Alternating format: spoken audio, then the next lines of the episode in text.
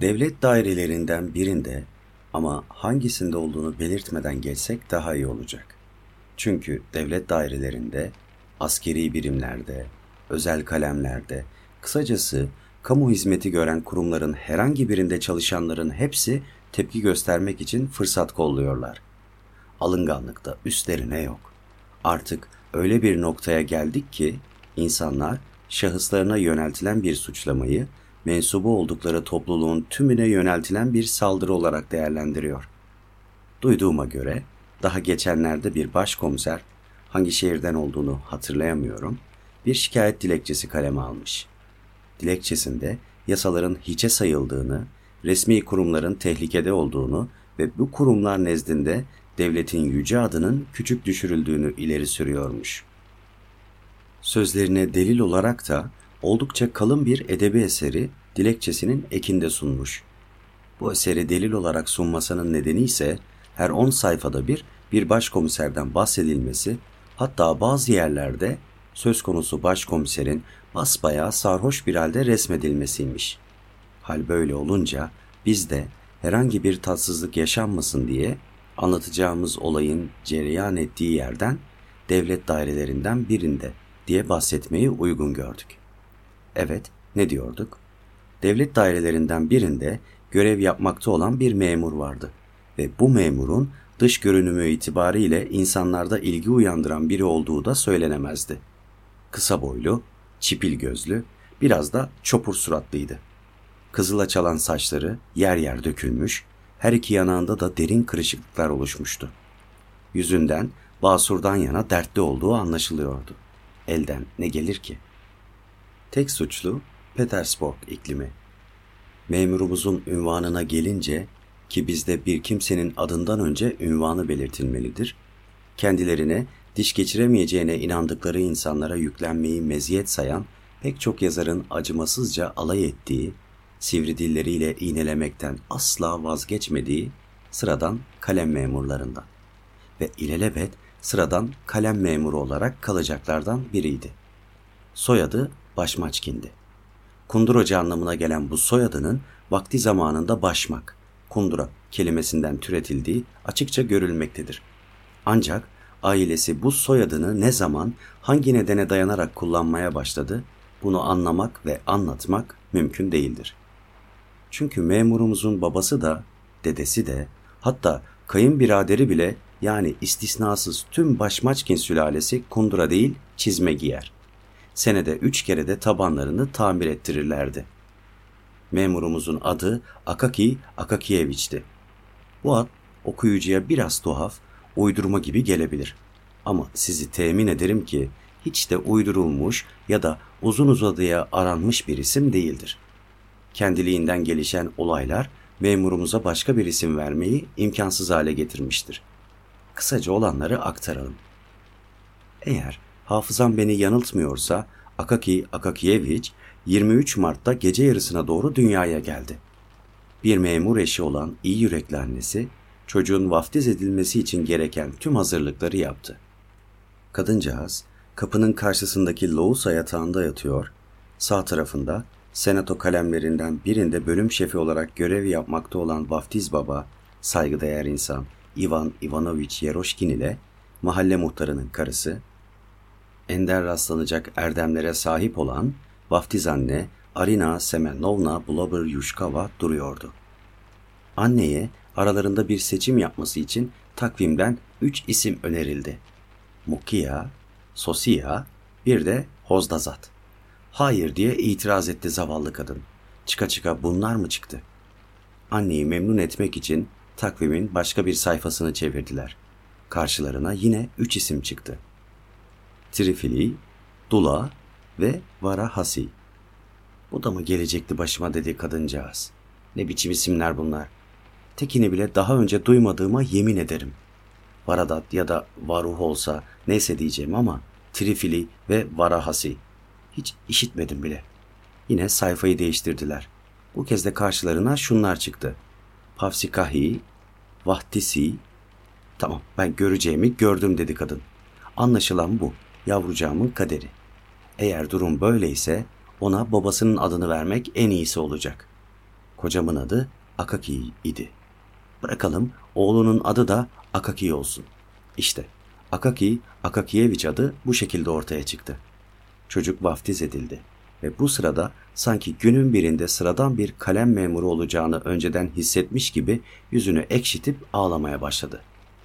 İşte olaylar bu şekilde gelişti. Olan biteni doğrudan anlatmayı tercih ettik. Böylece okuyucu çocuğa başka bir isim verilmesinin kesinlikle mümkün olmadığını, aslında bu ismi seçmeye mecbur kaldıklarını kendiliğinden görecektir.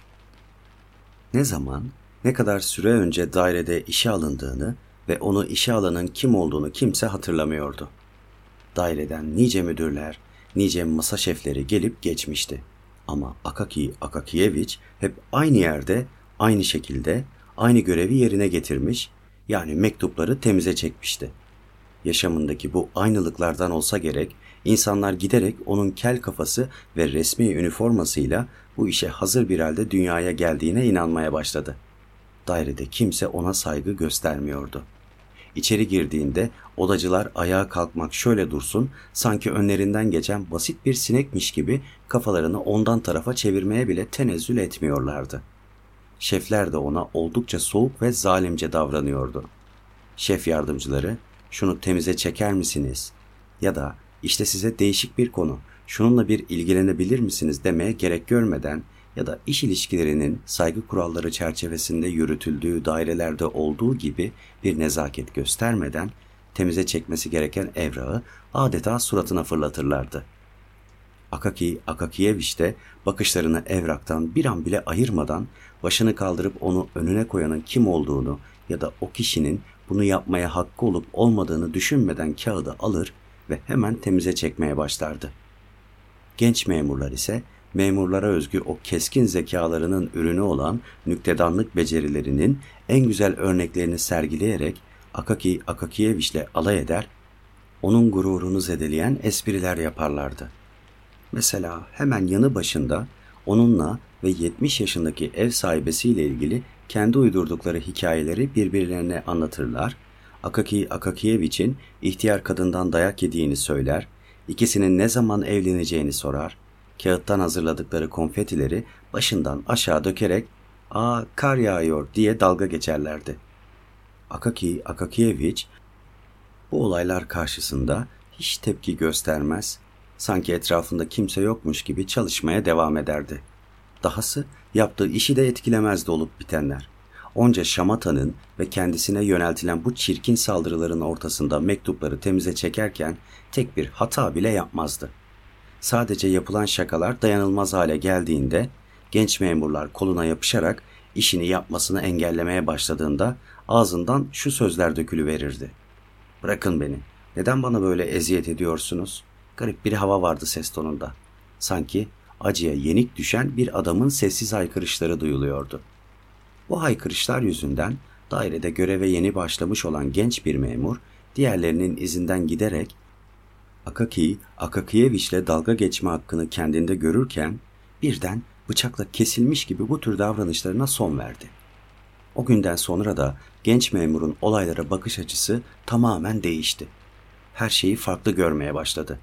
Adı konulamayan bir güç o güne dek terbiyeli, saygın insanlar olarak kabul ettiği, bu şekilde değerlendirdiği iş arkadaşlarından uzaklaşmasına neden oldu. En neşeli olduğu anlarda bile zavallı Akaki Akakiyeviç başındaki keliyle ve insanın içine işleyen sözleriyle bırakın beni neden bana böyle eziyet ediyorsunuz derken canlanıyordu gözlerinin önünde. Ve bu yürek burkan sözlerle birlikte benzeri başka sözler de çınlıyordu genç memurun zihninde. Ben sizin kardeşinizim. Neden bana böyle eziyet ediyorsunuz? Hayatı boyunca da bu sahne gözünün önüne geldikçe genç adam elleriyle yüzünü kapatıp insan denilen varlığın ne kadar acımasız olabildiği, ince, kültürlü, terbiyeli kişilerde Tanrım, hatta toplum tarafından asil ve şerefli insanlar olarak kabul görmüş kişilerde bile ne kadar gaddarca bir yan olabildiği gerçeğini gördükçe derinden sarsıldı. Kanımca Akaki Akakiyeviç kadar işine bağlı, işi için yaşayan birini bulmak zor olurdu. Şevkle çalışırdı desek şevk kelimesi bağlılığını anlatmak için yetersiz kalırdı. Evet, Akaki Akakiyeviç işine tutkuyla, aşkla bağlıydı. Bu işte yani mektupları temize çekme işinde sadece kendine ait, değişik, hoş bir dünya bulurdu. İşini yaparken duyduğu mutluluk yüzünden okunurdu. Bazı harfler gözdesiydi ve sıra bu harfleri yazmaya geldiğinde kendinden geçer, gözlerini kırpıştırır, gülümser ve sanki dudaklarıyla kalemine yardım ederdi. Yüzüne bakınca kaleminin ucundan hangi harfin dökülmekte olduğu kolayca anlaşılırdı. Eğer sarf ettiği çabayı karşılayacak şekilde terfi ettirilseydi ki bu işe kendisi bile şaşırırdı, encümen üyeliğine kadar yükselmesi işten değildi. Ancak şakacı çalışma arkadaşlarının da ifade ettiği gibi hizmetinin karşılığında Akaki Akakiyeviç'in eline sırtındaki kambur ve üzerine oturduğu yerdeki basurdan başka bir şey geçmemişti. Gerçi gösterdiği çabaya tamamen kayıtsız kalındığı söylemek de mümkün değildi. Örneğin bir keresinde uzun süren hizmetinden dolayı kendisini ödüllendirmeye hevesli, kıymet bilir bir müdür Akaki Akakiyeviç'e alışa geldiği sıradan temize çekme görevlerinden biraz daha fazla önem taşıyan bir iş verilmesini buyurmuş, başka bir devlet dairesine gönderilmek üzere zaten hazırlanmış olan bir belgedeki gerekli düzeltmeleri yapmasını istemişti. Ki bu iş yalnızca ilk sayfadaki başlıkları düzenlemek ve bazı yerlerdeki fiilleri birinci tekil kişiden üçüncü tekil kişiye çevirmekten ibaretti. Kendisine verilen bu görev Akaki Akakiyeviç'e o kadar zor geldi ki hayatı bir anda zindana dönüştü. Sonunda alnından boncuk boncuk dökülen damlaları silerek yok yok bana temize çekilecek bir şey verin daha iyi dedi. O günden sonra Akaki Akakiyeviç'i ebediyen yazıları temize çekme işiyle baş başa bıraktılar. Onun için yazıları temize çekmekten başka bir şeyin önemi yok gibiydi. Örneğin giydiği kıyafetler üzerine hiçbir kafa yormazdı. Umrunda bile değildi bunlar. Üniforması artık yeşil rengini kaybetmiş, paslı, kirli bir renge bürünmüştü. Yakası kısa ve dardı. Akaki Akakiyeviç'in boynu çok uzun olmamasına rağmen daracık yakadan sırık gibi dışarı taştığı için olduğundan daha uzun görünür ve kafası da Rusya'da seyyar satıcılık yapan yabancıların başlarının üzerindeki tablalarda onar onar taşıdıkları alçı taşından yapılmış kedi yavrularının sağa sola sallanan kafalarını anımsatırdı. Üniformasının üzerine ya bir saman çöpü ya da bir iplik parçası ama mutlaka bir şeyler yapışmış olurdu. Bir de yolda yürürken tam çöplerin dışarı dökülmekte olduğu anda pencerelerin altından geçmek gibi kimsede kolay kolay rastlanmayacak bir yeteneğe sahipti. Bu yüzden de şapkasından kavun, karpuz kabuğu ya da benzeri alakasız artıklar asla eksik olmazdı. Hayatı boyunca bir kez olsun sokakta yürürken etrafında olup bitenlere dikkat kesilmemişti. Ki bunlar malumunuz genç memurların gözlerini dört açarak izledikleri şeylerdi. Öyle ki onlar diğer kaldırımda bulunan birinin pantolonunun önünün açık kaldığını bile fark edip kıs kıs gülebilmek için fırsat kollarlardı. Oysa Akaki Akakiyeviç bu gibi olaylarla karşılaşsa bile baktığında özenle, düzgün bir şekilde temize çektiği satırlardan başka bir şey görmezdi. Sadece bir ihtimal bilinmeyen bir yerden ansızın bir at çıkar da kafasını Akaki Akakiyeviç'in omzuna yaslayıverir ve burun deliklerinden çıkan güçlü bir rüzgar da onun yanağına denk gelirse o çok sevdiği satırlarının arasında değil de bir sokağın orta yerinde olduğunun farkına varabilirdi. İşten döner dönmez hemen sofraya oturur, aceleyle çorbasını içer, soğanla birlikte bir parça sığır eti yerdi. Yediklerinin tadına hiç dikkat etmez, lokmalarının üzerine konan sineklerle ya da o gün Tanrı rızk olarak neleri uygun görmüşse onlarla birlikte mideye indirirdi. Karnının doymaya başladığını fark ettiği anda sofradan kalkar, mürekkep hokkasını alır ve eve getirdiği yazıları temize çekmeye başlardı. Eğer daireden bir şey getirmediyse, üslubunun güzelliğinden ziyade ismini yeni öğrendiği önemli bir kişiye hitaben yazılmış olmasına dikkat ederek bir yazı seçer ve sadece kendi zevki için onu temize çekerdi. Petersburg'un kül rengi göğü hepten karardığında ve bütün memurlar gelirlerine, zevklerine uygun bir şekilde yemeklerini yiyip karınlarını doyurduklarında, yani dairelerde tüm gün süren kalem gıcırtıları ve koşuşturmalar sona erdikten kendilerine ve başkalarına ait yapılması gereken işler tamamlandıktan, hatta iş aşkıyla yanıp tutuşan memurların gönüllü olarak üstlendikleri fazladan görevler bile yerine getirildikten sonra artık dinlenme zamanı gelip çattığında hala harcayacak enerjisi olanlar işten arta kalan zamanı keyifli şeyler yaparak geçirmek için acele ederlerdi. Eğlence düşkünleri uçarcasına tiyatronun yolunu tutarken diğerleri son moda kadın şapkalarını incelemek için kendilerini sokaklara atardı. Kimileri bir grup memurun gözdesi olmuş alımlı, genç bir hanıma kur yapma sevdasıyla bir gece davetine katılır, kimileri ise ki en çok rastlanan da buydu, üçüncü ya da dördüncü katta bulunan iki küçük oda ve bir antre ya da mutfaktan oluşan modaya uyuma hevesiyle birçok etkinlikten feragat edip para biriktirerek güç bela edinilen bir lambanın veya değişik bir biblonun süslediği yakın bir arkadaşın evinin yolunu tutardı.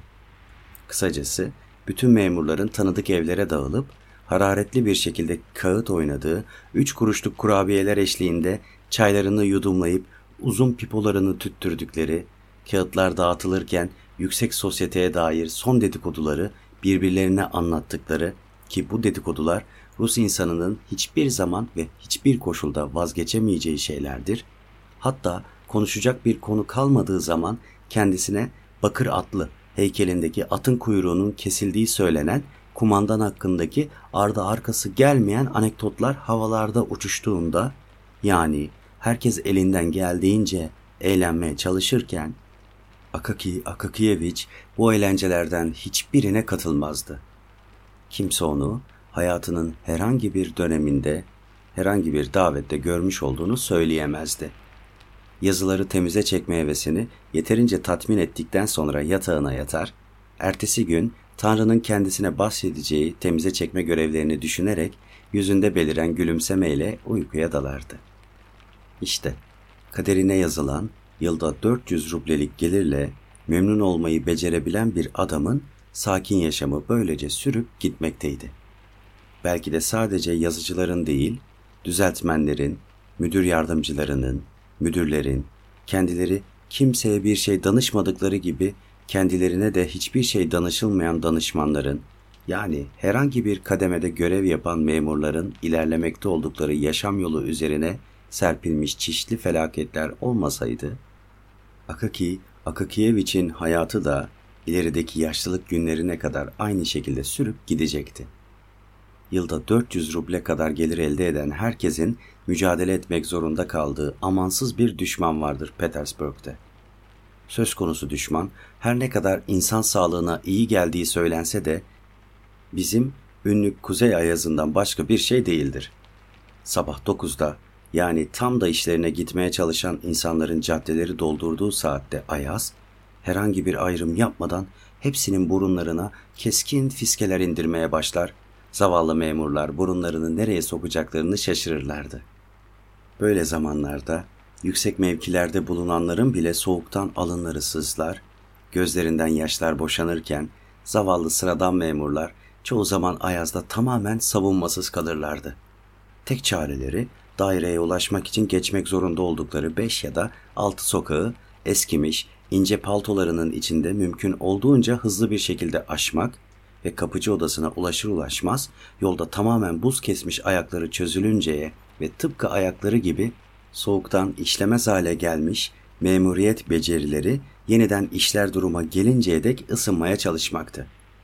Akaki Akakiyeviç de daireye ulaşmak için kat etmesi gereken yolu mümkün olduğu kadar hızla geçmeye çabalamasına rağmen bir süredir özellikle sırtının ve omuzlarının soğuktan donduğunu hissetmeye başlamıştı. Sonunda sorunun paltosundan kaynaklanabileceği geldi aklına. Eve dönünce paltosunu iyice inceledi. Sırtında ve omuzlarında iki ya da üç yerin kalbura döndüğünü keşfetti. Kumaş o kadar incelmişti ki diğer tarafı bile görmek mümkündü. Ayrıca astar da artık gerçekten miadını doldurmuştu. Yeri gelmişken Akaki Akakiyeviç'in paltosunun memurlar arasında dalga konusu olduğunu da belirtmek gerekir. Hepsi de bu harap olmuş kumaş parçasının palto ismini hak etmediği, ona ancak sabahlık denebileceği konusunda fikir birliğine varmıştı. Doğrusu Akaki Akakiyevich'in paltosunun pek paltoluk hali kalmadığı da ortadaydı hani. Yakası diğer yerlere yapılacak yamalar için kaynak olarak kullanıldığından her geçen sene biraz daha ufalmıştı. Hem yamalar da maharetli bir terzinin elinden çıkmış, göze hoş gelen türden değildi. Kaba ve çirkin görünüyorlardı. Sorunun kaynağını anlayan Akaki Akakiyevich paltosunu Petroviç'e götürmeye karar verdi. Petroviç arka merdivenlerden çıkınca dördüncü katta oturan bir terziydi. Gören tek gözüne ve yüzündeki çiçek bozuğu izlerine rağmen pantolon ve ceket tamiri konusunda oldukça başarılı bir adamdı. Tabii bu başarısı ayık olmasına ve zihnini kurcalayan herhangi bir şey olmamasına bağlıydı. Bu terzi hakkında uzun uzadıya bilgi vermeye elbette gerek yok. Ancak madem öykülerde bulunan tüm karakterleri etraflıca tanıtmak bir gelenek olmuş, okumakta olduğunuz satırlara Petroviç'i de buyur etmekten, onun hakkında bir çift laf etmekten başka seçeneğim yok. Önceleri kendisine sadece Grigori denilmekteydi ve bilmem hangi toprak ağasının yanında çalışan bir köleydi. Özgürlüğünü elde ettikten ve bayramlarda zil zurna sarhoş olana dek içki içmeye başladıktan sonra Petroviç diye anılmaya başlandı. İlkin sadece büyük bayramlarda içiyordu. Ama sonraları büyük küçük demeden takvim sayfalarında yanına haç işareti konulmuş bütün kutsal günlerde kafayı çekmeye başladı. Bu yönüyle aile geleneğini bozmadığını, sağa sola sapmadan dedelerinin izinden gittiğini rahatlıkla ifade edebiliriz. Karısı ile ağız dalışına girdiğinde ona maddiyatçı kadın ya da Alaman karısı diye söverdi. E, madem Petrovich'in karısının da adını andık, onun hakkında da bir iki çift laf etmek farz oldu bize. Gel gelelim bu kadıncağızla ilgili pek düşe dokunur bir bilgi yok elimizde. Ve bildiklerimizi olduğu gibi aktarmak gerekirse kuracağımız cümleler şunlardan ibarettir sadece. Petrovich'in bir karısı vardı. Başörtüsü kullanmazdı. Bere takardı. Ve öyle dillere destan bir güzelliği de yoktu. Doğrusu bıyıklarını burarak ve alışılmadık sesler çıkararak yanına yaklaşan muhafız askerleri dışında kimse yüzüne bakmazdı. Akaki Akakiyevich, Petrovichlerin evine giden merdivenlerden çıkarken, yalnız hakkını vermek lazım, Petersburg'da bulunan tüm diğer evlerin arka merdivenleri gibi bu merdivenler de su ve çamur içindeydi ve her tarafına kesif bir amonyak kokusu sinmişti. Ne diyorduk? Akaki Akakiyevich merdivenlerden çıkarken bu iş için Petrovich'in ne kadar isteyeceğini kestirmeye çalışıyor ve kendi kendine iki rubleden bir kapik fazla vermemeyi tasarlıyordu. Petrovich'in karısı balık kızarttığı için evin kapısını ardına kadar açık bırakmıştı. Mutfakta o kadar çok duman vardı ki etrafta gezinen hamam böceklerini seçebilmek bile mümkün değildi. Akaki Akakiyevich ev sahibesine görünmeden mutfağın içinden geçip koridorun sonundaki odaya girdi. Petrovich büyükçe boyasız bir ahşap masada Türk paşaları gibi bacaklarını altına toplamış oturuyordu. Ayakları iş başındaki tüm terzilerde gelenek olduğu üzere çıplaktı. Akaki Akakiyevich'in gözüne çarpan ilk şey önceden de görüp bildiği ayak baş parmağı oldu. Üzerindeki tırnak son derece biçimsiz, kaplumbağa kobuğu gibi sert ve kalın görünüyordu. Boynunda bir çile ipek ve iplik asılıydı. Kucağında da eski püskü bir kıyafet duruyordu. Dakikalardır elindeki ipliği iğne deliğinden geçirmeye çalışıyordu. Ancak bunu bir türlü beceremediği için karanlığa ve hatta elindeki ipliğe kısık sesle sövüp duruyordu. Yabani şey, sakın geçme emi. Tükettin beni be, seni deyyus. Petrovich'in tam da sinirli olduğu bir anda oraya gittiği için Akaki Akakiyevich'in canı sıkıldı. Oysa siparişini Petrovich'in keyfinin yerinde olduğu bir anda ya da karısının deyişiyle tek gözlü şeytanın kafası kıyakken vermek isterdi. Eğer o keyifli anını yakalayabilse Petrovich kendisine önereceği parayı hemencecik kabul etmekle kalmaz, bir de yerlere kadar eğilerek selam verip teşekkür üstüne teşekkür ederdi. Gerçi sonra karısı sızlanarak gelir, kocasının sarhoş olduğunu, bu yüzden çok ucuza anlaştığını söylerdi. Ancak 10 kapiklik bir ilave ile bu sorunu da çözmek mümkün olurdu. Ama görünüşe bakılırsa o gün Petrovic gayet ayık durumdaydı. Bu yüzden de son derece aksi ve anlaşmaya uzak bir tavır sergiliyordu. Kim bilir paltoyu yamamak için ne kadar para isteyecekti. Akaki Akakiyeviç tehlikenin farkına varır varmaz gerisin geri dönüp oradan gitmek istedi. Ama artık bunun için çok geçti. Petroviç gören tek gözüyle Akaki Akakiyeviç'i baştan aşağı dikkatle süzdü ve zamanlı memurumuz da istemeye istemeye konuşmak zorunda kaldı. İyi günler Petroviç. İyi günler dilerim efendim dedi Petroviç. Ne tür bir ganimetle geldiğini anlamak için gözlerini Akaki Akakiyeviç'in ellerine dikerek ben sana Petroviç şey şunu bilinmesi gereken konu şudur ki Akaki Akakiyeviç çoğu zaman kendini özürlerle, bahanelerle ve son tahlilde herhangi bir anlam taşımayan muğlak sözlerle ifade ederdi. Eğer zorlanacağı bir konuda konuşması gerekirse kurduğu cümleleri yarım bırakmak onun belirgin özelliklerindendi. Bu yüzden çoğu kez söze bu gerçekten de bilirsiniz diye başlayıp devamında hiçbir şey söylemez, işin kötüsü bunun farkına da varmayıp söylenmesi gereken her şeyi söylediğini zannederdi.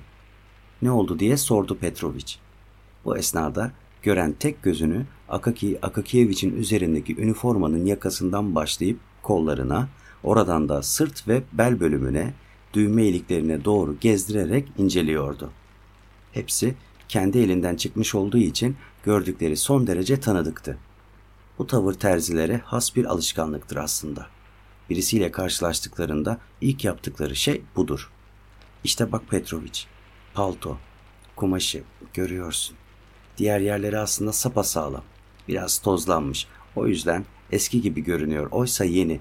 Şey sadece bir yerinde biraz sırtında bir de omzunun tekinde küçük bir delik var. Şey diğer omzunda da bir tane var. Küçük ama. Gördün mü? Hepsi bu. Fazla işi yok. Petrovic sabahlığı eline aldı. Önce onu masanın üzerine yaydı. Uzun uzun inceledi. Başını salladı ve kapağında bir generalin resmi olan yuvarlak enfiye kutusunu almak için pencere pervazına doğru uzandı. Resmin hangi generale ait olduğunu kestirmek mümkün değildi. Yüzünün bulunduğu yer parmak darbeleriyle delik deşik olduğundan kare şeklinde bir kağıt parçasıyla yamanmıştı. Bir tutam enfiye çektikten sonra Petrovic iki eliyle sabahlığı iyice gerdi. Havaya kaldırdı ve ışığa doğru tutarak baktı. Yine başını salladı. Sonra astarı dışa gelecek şekilde sabahlığı ters yüz etti ve yine başını salladı. Tekrar üzerine kağıt yapıştırılan general resminin olduğu kapağı kaldırdı. Burnunu tabakaya yaklaştırarak bir nefes daha çekti. Kapağı kapattı. Kutuyu elinden bıraktı. Hayır, bunu onarmak mümkün değil. Eski püskü bir sürpüntü bu dedi. Bu sözler karşısında Akaki Akakiyevich'in yüreği duracak gibi oldu. Neden mümkün değil Petroviç diye sordu. Bir çocuk gibi sızlanarak. Sadece omuzları biraz yıpranmış. Şey nedir ki? Sende küçük kumaş parçaları vardır yama için. Evet, parça bulmak mümkün. Parça bulunur bulunmasına da bu kumaş dikiş tutmaz. Çoktan çürümüş gitmiş. İğne değdiremezsin buna. Değdirirsen parçalanıp gider. Varsın parçalansın. Hemen yamayı verirsin sen de. Yama filan yapılmaz buna. Yamayı tutacak bir şey kalmamış. Çok yıpranmış. Kumaşlık hali kalmamış. Yamasam bile en ufak esintide dağılır gider. O zaman bir şekilde sağlamlaştırsan. Eminim ben. Gerçekten bu. Hayır dedi Petrovic kararlı bir şekilde. Yapılacak hiçbir şey yok. Paltoluk hali kalmamış bunun. Hatta bana kalırsa bunu şeritler halinde kesip kendinize dolak gibi bir şey yapın. Daha iyi olur. Soğuklar bastırınca ayağınızı sıcak tutar hiç olmazsa. Çoraplar hiç işe yaramıyor. Zaten çorap dediğiniz nedir ki? Gözü doymak bilmez Alman milleti iki kuruş daha kazanmak için icat etti şu çorap denilen şeyi. Petrovic fırsat buldukça Almanlar hakkında atıp tutmaya bayılırdı. Palto meselesine gelince yeni bir tane diktirmeniz gerekecek. Yeni kelimesini duyar duymaz Akaki Akakiyevich'in gözleri karardı. Odadaki tüm eşyalar, her şey etrafında dönmeye başladı. Artık Petrovic'in enfiye kutusunun kapağının üzerinde bulunan general resminin yüzünü kaplayan kağıt parçasından başka bir şey seçmiyordu gözü. Yeni bir palto mu diye sordu. hala yaşadıklarının bir kabustan ibaret olduğunu sanarak. Bunun için yeterli param yok ki benim. Evet, yeni bir palto diye yanıtladı Petrovic. İnsanı dehşete düşüren bir soğukkanlılıkla. Peki yeni bir palto diktirmek yenisi acaba kaça? Kaça mal olacağını mı soruyorsunuz? Evet. En az 150 rubleyi gözden çıkarmak lazım dedi Petrovic ve anlamlı bir şekilde dudaklarını büzdü. Sözleriyle karşısında bulunan kişiyi afallatmayı, sonra da göz ucuyla yüzünün aldığı şekli izlemeyi pek severdi. Bir palto için 150 ruble mi diye bir çığlık attı zavallı Akaki Akakiyeviç. Belki de hayatı boyunca attığı ilk çığlıktı bu. Zira kendisi hep ses tonunun yumuşaklığıyla tanınan bir adamdı. Evet dedi Petrovic. Tabii ücret istediğiniz paltonun özelliklerine göre de değişecektir. Eğer yakasına kürk koyacaksam, ipek astarlı bir kapşon ekleyeceksem, o zaman fiyatı 200 rubleye kadar yükselir. Akaki Akakiyeviç, Petrovic'in söylediklerini ne duyuyordu ne de duymak için bir çaba sarf ediyordu. Ağlamaklı bir şekilde Petrovic, lütfen bir şekilde onar şunu, hiç değilse bir süre daha idare etsin beni dedi. Mümkün değil. Bu miadını doldurmuş artık. Verilen emek de harcanan para da boşa gider diye yanıtladı Petrovic. Bu sözleri duyan Akaki Akakiyeviç dağılmış bir halde oradan ayrıldı. Petrovic ise Akaki Akakiyeviç'in gidişiyle birlikte yeniden işe koyulmadan önce uzunca bir süre daha dudaklarını anlamlı bir şekilde büzerek öylece durdu. Hem bir müşteri karşısında kendini küçük düşürmediği hem de terzilik sanatının şerefini alçaltmadığı için halinden memnundu. Akaki Akakiyeviç sokağa çıktıktan sonra bile görmekte olduğu bir kabustan henüz uyanamamış gibiydi. Şu işe bak diye söyleniyordu kendi kendine. Böyle olacağı aklıma bile gelmezdi. Şu işe bak. Bir anlık sessizlikten sonra devam etti söylenmeye. Şu işe bak. Ne ummuştum, ne buldum. Hey tanrım. Uzun süren bir sessizliğin ardından işe bak. Hiç tahmin etmezdim böyle olacağını. Bunlar kimin aklına gelirdi ki? Ne fena bir durum. Bunları söylerken eve doğru yürüyeceğine, ne yaptığını bilmez bir halde tam da aksi istikamete doğru yöneldi. Yolda bir baca temizleyicisi ona çarparak bütün omzunu kurum içinde bıraktı. İnşaat halindeki bir binanın altından geçerken de tepesine bir miktar kireç boşaldı. Ama Akaki Akakiyeviç bunların hiçbirinin farkına bile varmadı. Neden sonra tabakasından nasır tutmuş avcuna bir nefeslik enfiye almak için elindeki sopayı bir kenara koyan bekçiye çarptığında adam ne diye insanın tepesine çıkıyorsun? Koca sokakta başka yer mi kalmadı be adam diye çıkışınca kendine gelir gibi oldu. Toparlandı. Etrafına bakındı ve eve doğru yöneldi. Ancak o zaman düşüncelerini toparlayabildi. İçinde bulunduğu durumu gerçekçi bir gözle değerlendirdi ve kendi kendine akıllı, içten bir dostuyla dertleşir gibi konuşmaya başladı. Yok yok, Petroviç'le bugün konuşmak hataydı dedi. O herhalde karısı muhtemelen hırpalamıştı onu. İyisi mi pazar sabahı gideyim ben. Cumartesi gecesi sünger gibi içer nasıl olsa. Ertesi sabah da hala ayılmamış olur. Kendine gelmek için bir tek daha atması gerekir. Ama karısı da ona kapik koklatmaz. İşte o sırada ben eline on kapik sıkıştırdım mıydı hemen yumuşayı verir, belki de paltoyu. Aldığı bu kararla cesareti yerine gelen Akaki Akakiyeviç pazar gününü beklemeye koyuldu. Sabah terzinin karısının evden çıktığını görür görmez soluğu Petrovich'in yanında aldı. Tam tahmin ettiği gibi cumartesi gecesi sabaha kadar içki içen terzi hala ayılamamıştı. Sağlam kalan tek gözü kayıyor, kafasını bir türlü dik tutmayı başaramıyordu. Yine de Akaki Akakiyevich'in hangi konu için oraya geldiğini anladığı an içindeki şeytan uyanıverdi. Mümkün değil diye çıkıştı. Yeni bir palto diktirmelisiniz. Akaki Akakiyevich hemen eline on kapik tutuşturdu. Petrovic ise teşekkürler bayım. Bir kadehte sizin sağlığınıza içeceğim. Yeni palto konusunda sakın ola endişelenmeyin. Eskisinden artık hayır gelmez. Sizin için adınıza yaraşır bir palto dikeceğim. Bana güvenebilirsiniz diye yanıtladı onu. Akaki Akakiyevich Yeni bir palto dikmek yerine eskisini onarması için bir iki laf daha edecek olduysa da Petrovic onu dinlemeyerek yeni bir palto. Size kesinlikle yeni bir palto dikeceğim. Bana güvenebilirsiniz. Elimden geleni yapacağım. Hatta modaya uygun bir şey bile çıkarabiliriz. Yakası gümüş renginde gizli kopçalarla tutturulan bir palto mesela dedi. Yeni paltodan kaçış olmadığını anlayınca Akaki Akakiyevich'in fena halde canı sıkıldı. Ne karşılayacaktı ki bunu? Hangi parayla yaptıracaktı? Yakında alacağı bayram ikramiyesine kısmen güvenebilirdi elbette. Ancak bu paranın gideceği yer çok önceden belirlenmişti bile. Birkaç tane yeni pantolon edinmesi gerekiyordu. Çizmelerinin yüzünü yenileyen kundura tamircisine epeydir geciktirdiği borcunu ödemesi lazımdı. Ve üç gömleğin yanı sıra burada adını açıkça anmamızın yakışık almayacağı iki parçada iş çamaşırı siparişi vermeliydi. Kısacası paranın tümü harcanıp gidecekti.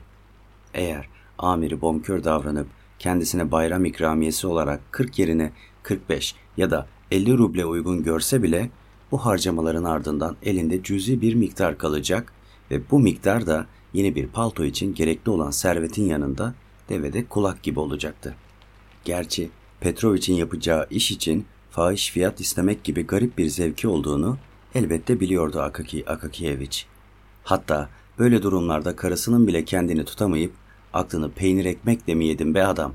Başka zaman olsa bu işi bedavaya yapardı. Şimdi ise dünyanın parasını istiyor. Bir sor bakalım kendisi o kadar eder miymiş acaba diye kıyameti kopardığından da haberdardı. Diğer taraftan Petrovic'in paltoyu 80 rubleye dikmeye razı olacağını da biliyordu. Ama o 80 rubleyi nereden bulacaktı? İşte bu konuda hiçbir fikri yoktu. Bu miktarın yarısını bulabilirdi. Evet yarısı. Hatta biraz fazlası bulunabilirdi. Ama diğer yarıyı nereden bulup buluşturacaktı? Yalnız her şeyden önce şu ilk 40 rublenin nasıl temin edileceğini okuyucularımıza anlatmamız gerekir. Akaki Akakiyevich'in harcadığı her rubleye karşılık üzerinde para atmak için bir deliği bulunan kilitli, küçük bir kutuya yarım kapik atarak para biriktirmek gibi bir alışkanlığı vardı. 6 ayda bir kutuda biriken bakır paraları, bozuklukları toparlar, hepsini küçük gümüşlere çevirirdi. Bu işe başlayalı epey zaman olmuştu. Birkaç yıl içinde yaklaşık olarak 40 ruble biriktirmeyi başarmıştı. Yani palto için gerekli olan paranın ilk yarısı elindeydi. Ama diğer yarıyı nereden bulacaktı? Bir 40 ruble daha nereden bulabilirdi ki?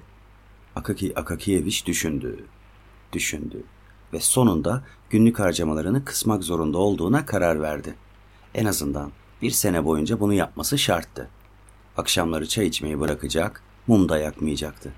Eğer çalışması gerekiyorsa ev sahibesinin odasına gidecek ve işini onun mumunun ışığında görecekti. Dışarı çıktığında ağırlığını ayaklarına vermeden neredeyse parmaklarının ucunda basarak yürüyecek ve elinden geldiği kadar adımlarını düzgün kaldırım taşlarına denk getirmeye çalışacaktı. Böylece ayakkabılarının tabanları hemen aşınmayacaktı. Çamaşırlarını da yıkamaya daha seyrek gönderecek, böylece onların da hemen yıpranmasını engelleyecekti. Eve döner dönmez eskimesinler diye derhal giysilerini çıkaracak, sadece umarsızca geçip giden zamanın bile merhamet ettiği eski pamuklu gecelik entaresiyle oturacaktı.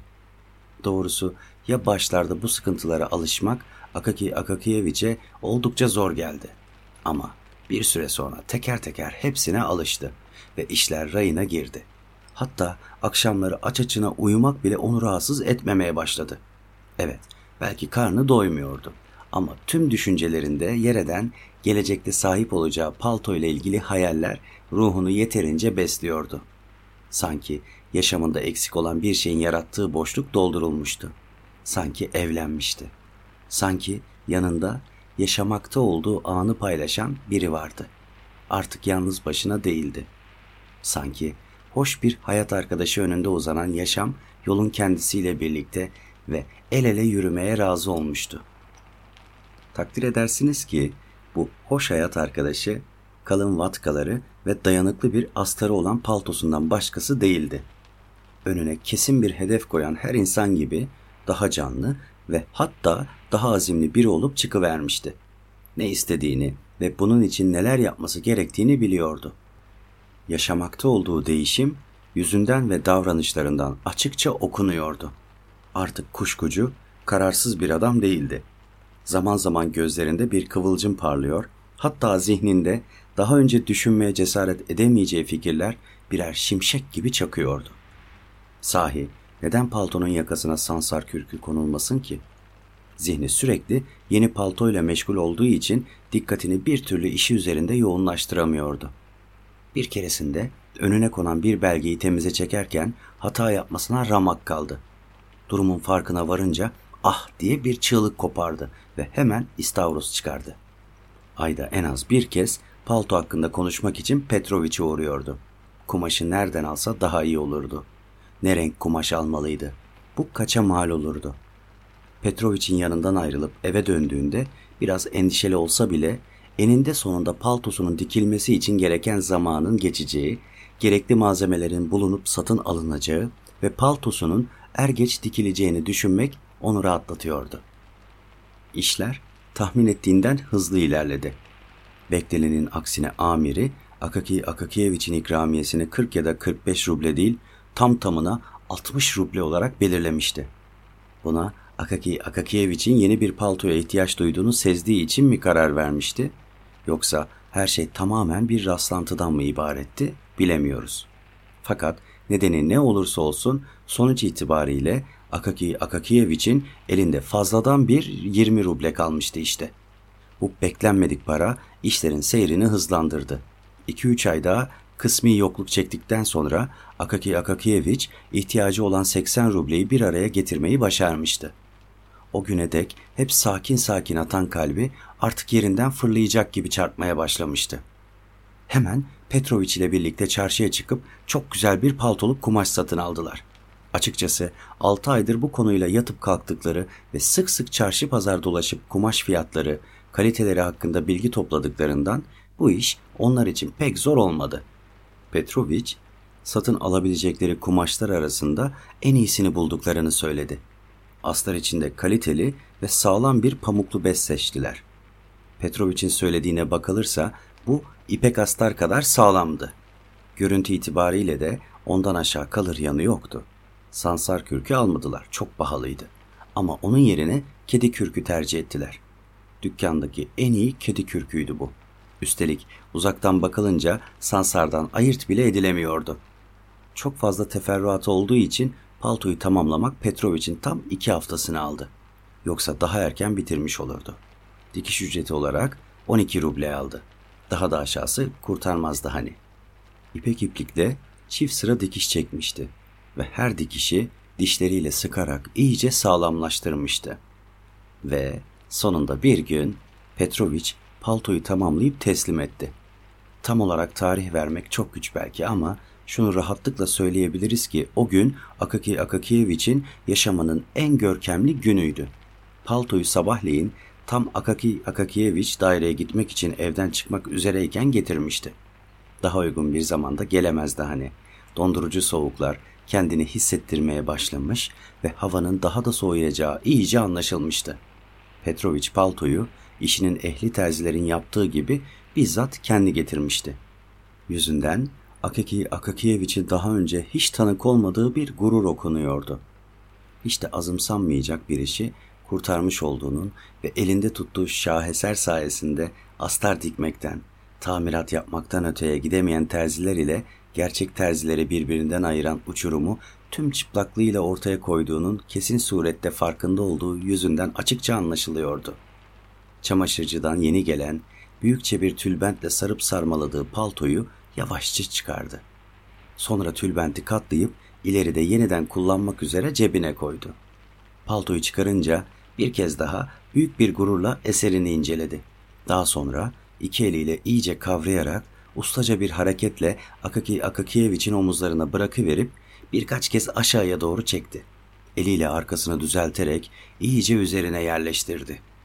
Bir süre Akaki Akakiyeviç'in omuzlarında düğmeleri iliklenmeden duran eserini seyretti. Akaki Akakiyeviç yaşının da verdiği tecrübeyle paltoyu tam olarak giyip manşet boyunu da görmek istedi. Petroviç hemen ona yardım etti. Baktılar. Kollar da tam oturmuştu. Kısacası palto üzerine tıpatıp uymuş, tam Akaki Akakiyevich'in ölçülerine göre olmuştu. Fırsat bu fırsattır diye düşünen Petrovic, küçük bir sokakta yaşadığı, terzi tabelası bile olmadığı ve Akaki Akakiyevich'i çok uzun zamandan beri tanıdığı için paltoyu bu kadar ucuza diktiğini ve eğer aynı paltoyu Nevski bulvarında bir terziye diktirmeye kalksaydı, sırf terzilik için kendisinden 75 ruble alacaklarını söylemekten de geri durmadı. Akaki Akakiyevich bu konuda Petrovich'le tartışmaya girmekten kaçınmıştı. Çünkü onun telaffuz etmekten hoşlandığı korkunç rakamlardan oldum olası korkardı. Borcunu ödedi, teşekkür etti ve üzerinde yeni paltosuyla daireye gitmek için oradan ayrıldı. Peşinden Petrovic de dışarı çıkıp sokakta durdu. Arkadan uzun uzun paltoyu seyretti. Sonra yandaki sokağa dalıp kestirmeden Akaki Akakiyevich'in önüne çıkarak bu kez de paltosunu ön cepheden izledi. Bu sırada Akaki Akakiyevich bayramlıklarına yeni kavuşmuş bir çocuk gibi mutluluktan uçarak yürüyordu. Attığı her adımda omuzlarında yeni paltosunun olduğunu düşünüyor, içi içine sığmıyordu. Hatta yüreğinde dalga dalga kabaran mutluluk sayesinde birkaç kez gülümsedi bile yürürken. Halinden hoşnut olmaması için hiçbir neden yoktu. Paltosu onu hem sıcacık tutuyordu hem de gerçekten çok güzel bir paltoydu. Ne kadar yürüdüğünün farkına bile varmadan kendini dairede buldu. Vestiyerde paltosunu çıkardı. Her tarafına bir kez daha göz gezdirdi. Sonra da onu vestiyer görevlisinin itinalı ellerine emanet etti. Nasıl oldu bilmiyoruz ama dairede bulunanların hepsi Akaki Akakiyevich'in yeni bir paltosu olduğunu, eski sabahlığın artık tedavülden kalktığını hemen öğrenmişti. Herkes bir anda yeni paltoyu görmek için vestiyere hücum etti. O kadar büyük bir coşkuyla karşıladılar ki Akaki Akakiyeviç'i tebrikleri ilkin gülümseyerek kabul eden memurumuz bir süre sonra utanıp sıkılmaya başladı. Yanına gelen herkes yeni paltonun ıslatılması gerektiğini söylüyordu. En azından hepsini bir akşam çaya davet etmeliydi. Akaki Akakiyeviç'in şaşkınlıktan dili tutuldu. Ne cevap vereceğini, bu durumdan nasıl kurtulacağını kestiremedi. Birkaç dakika sonra hepten kızararak etrafındakileri bunun yeni bir palto olmadığına yani o kadar da yeni sayılamayacağına safça inandırmaya çalıştı. Sonunda memurlardan biri, daha doğrusu şeflerden birinin yardımcısı, muhtemelen bünyesinde zerre kadar kibir barındırmadığını, kendinden aşağı pozisyonlarda çalışanlarla bile birlikte vakit geçirebileceğini cümle aleme göstermek adına pekala pekala dedi.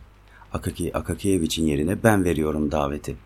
Bu akşam hepinizi evimde çaya bekliyorum. Hem tesadüf işte. Benim de doğum günüm bugün. Tüm memurlar şef yardımcısının yeni yaşını kutlayıp yapmış olduğu teklifi seve seve kabul ettiklerini belirtti. Akaki Akakiyevich tam bahaneler uydurup gelmeyeceğini söyleyecekti ki memurlar hep bir ağızdan bunun büyük bir saygısızlık olacağını, teklifi kesinlikle geri çeviremeyeceğini söyleyerek ısrar edince o da çaresiz daveti kabul etti. Hatta daha sonra bu davet sayesinde akşam da yeni paltosunu giyme fırsatı bulacağını fark edince daveti kabul ettiğine sevindi bile. O gün Akaki Akakiyevich'in en coşkulu günüydü. Evine son derece mutlu bir şekilde döndü. Paltosunu çıkardı. Dikkatli bir şekilde duvara astı. Hayranlıkla bir kez daha hem kumaşını hem de astarını inceledi. Sonra da aralarında karşılaştırma yapmak için önceden palto niyetine kullandığı paramparça olmuş sabahlığı çıkardı. İkisini şöyle bir süzdükten sonra kahkahayı patlattı. Tanrım, aralarında dağlar kadar fark vardı. Hatta epey zaman sonra yemek yemek için sofraya oturduğunda bile sabahlığının durumu aklına geldikçe gülmeye devam etti. Neşeli bir şekilde yemeğini yedi ve yemekten sonra tek satır bile temize çekmedi. Onun yerine yatağına yatıp kısa bir süre için dinlenmeyi tercih etti. Hava iyice kararınca kalktı. Bir çırpıda giyindi. Paltosunu omzuna aldı ve dışarı çıktı. Ne yazık ki daveti veren memurun tam olarak nerede yaşadığını söyleyemeyeceğiz. Zira hafızamız hazin bir şekilde bizi yanıltmaya başladı. Petersburg'da bulunan her şey, bütün sokaklar, bütün evler kafamızda karman çorman olmuş durumda. Ve bu bilgilere dayanarak herhangi bir yer tarifi vermek de mümkün gözükmüyor. Yine de en azından şunu söyleyebiliriz. şef yardımcısı şehrin iyi semtlerinden birinde. Dolayısıyla da Akaki Akakiyevich'in evine pek de yakın olmayan bir yerde yaşamaktaydı. Önce pek iyi aydınlatılmayan ıssız sokaklardan yürümesi gerekiyordu Akaki Akakiyevich'in. Ama sonra daveti veren şef yardımcısının evine yaklaştıkça geçtiği sokaklar daha canlı, kalabalık ve daha aydınlık olmaya başladı. Artık adım başı bir yayaya denk geliyor, hatta bunların arasında güzel giyimli kadınlar ve yakası kunduz derisinden paltolar giymiş adamlar da göze çarpıyordu.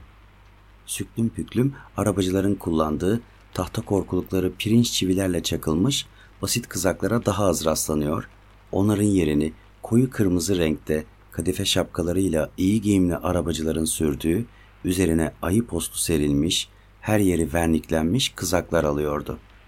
Sürücünün oturduğu yer bile özenle dayanıp döşenmiş arabalar, tekerlekleri karda gıcırdayarak uçarcasına geçiyordu sokaklardan. Akaki Akakiyeviç tüm bunlara hayatı boyunca hiç görmediği şeylermiş gibi bakıyordu. Kim bilir en son ne zaman geceleyin sokağa çıkmıştı. Işıl ışıl bir dükkan vitrininin önünde merakla durdu. Gözü bir tabloya takılmıştı. Tabloda güzel bir kadın ayakkabısını çıkarırken resmedilmiş, biçimli bacağı bütünüyle ortaya çıkmıştı.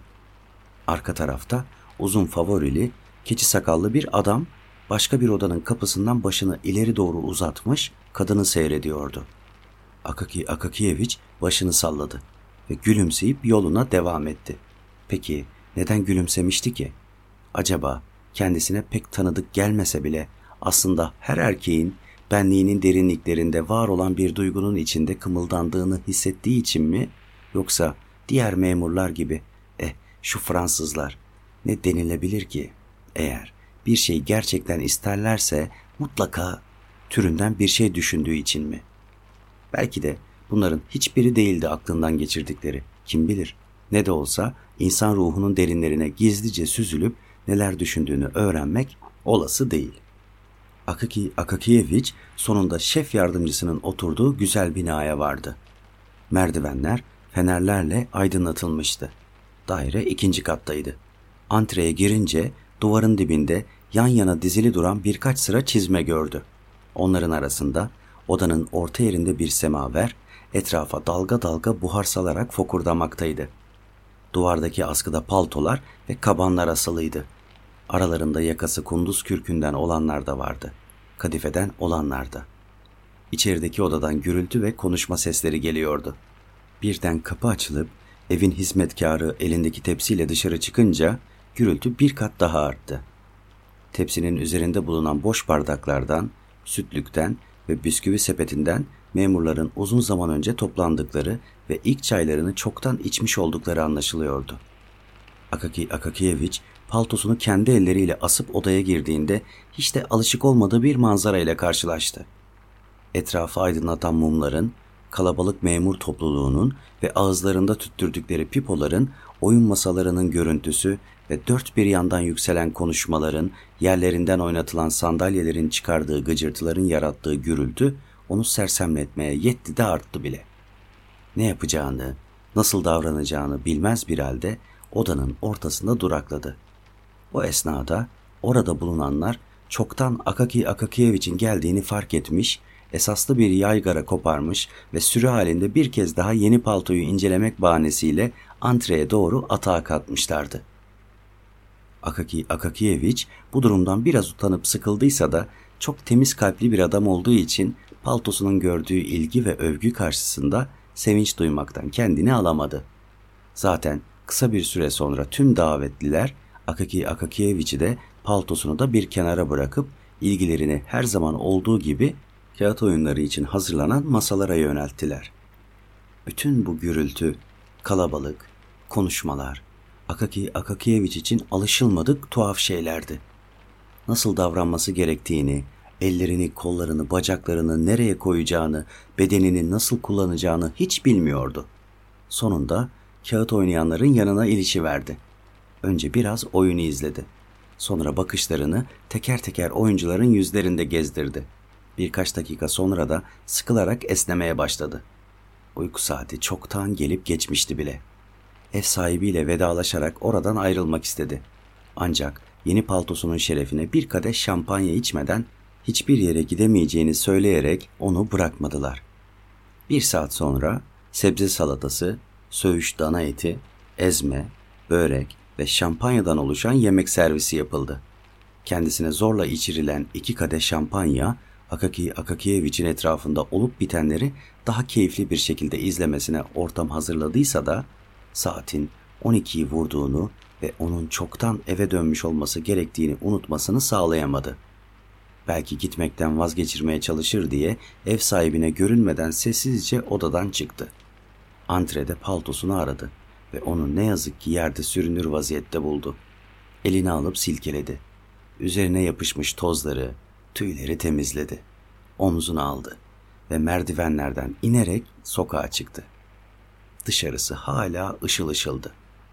Hizmetkar takımının ve gedikli müşterilerin uğrak yeri olan birkaç kulüp hala açıktı. Kapalı gibi görünenlerin bile pencerelerinden dışarıya ışık demetleri süzülüyor. Bu da bu kulüplerin henüz tam olarak boşaltmadığı, bu saate kadar nerede kaldıkları konusunda efendilerini merakta bırakan hizmetçi ve uşakların sohbetlerine henüz bir nokta koymadıkları anlamına geliyordu. Akaki Akakiyevich neşeli bir şekilde yürüyordu sokakta. Hatta nedendir bilinmez yanı başından şimşek hızıyla geçen ve vücudunun her yeri ayrı ayrı oynayan bir kadının arkasından koşturmaya bile başladı. Ancak sonra hemen toparlandı ve kendisini etkisi altına alan bu heyecana nasıl kapıldığına şaşırarak tekrar eskisi gibi sakin sakin yürümeye devam etti.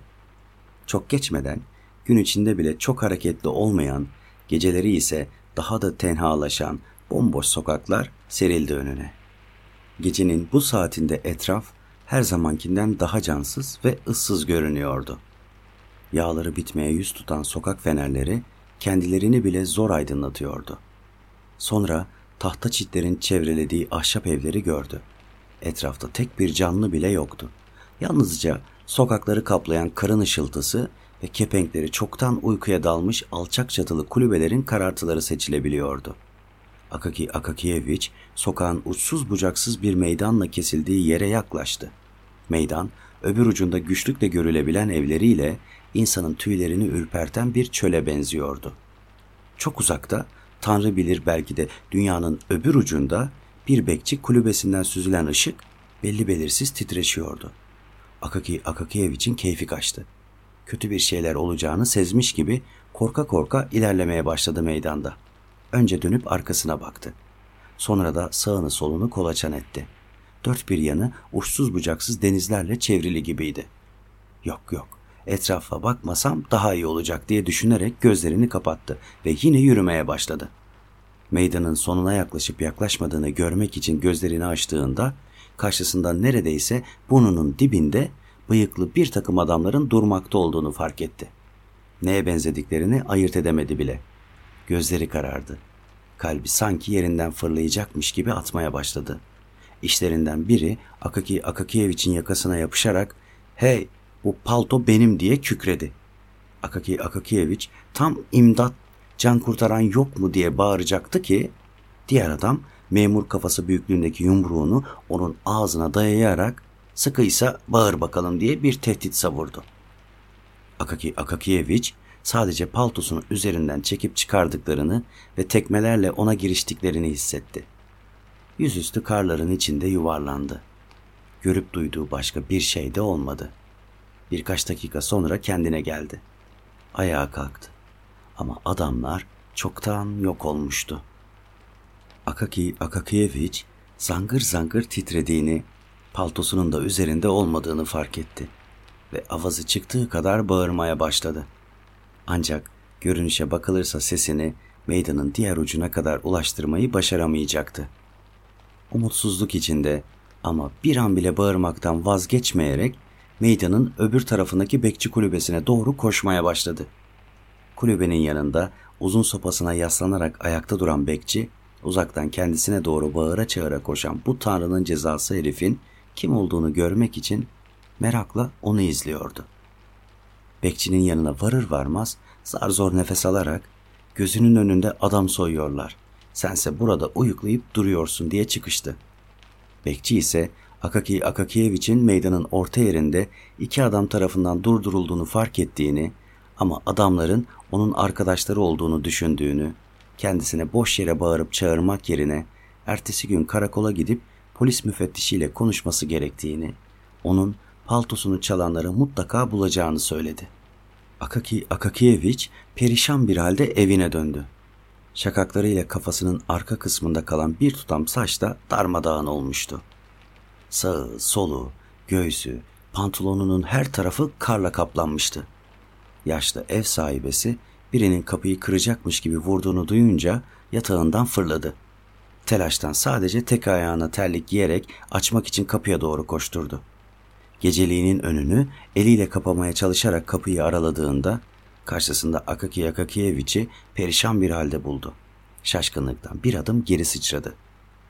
Akaki Akakiyeviç başına gelenleri teker teker anlattı.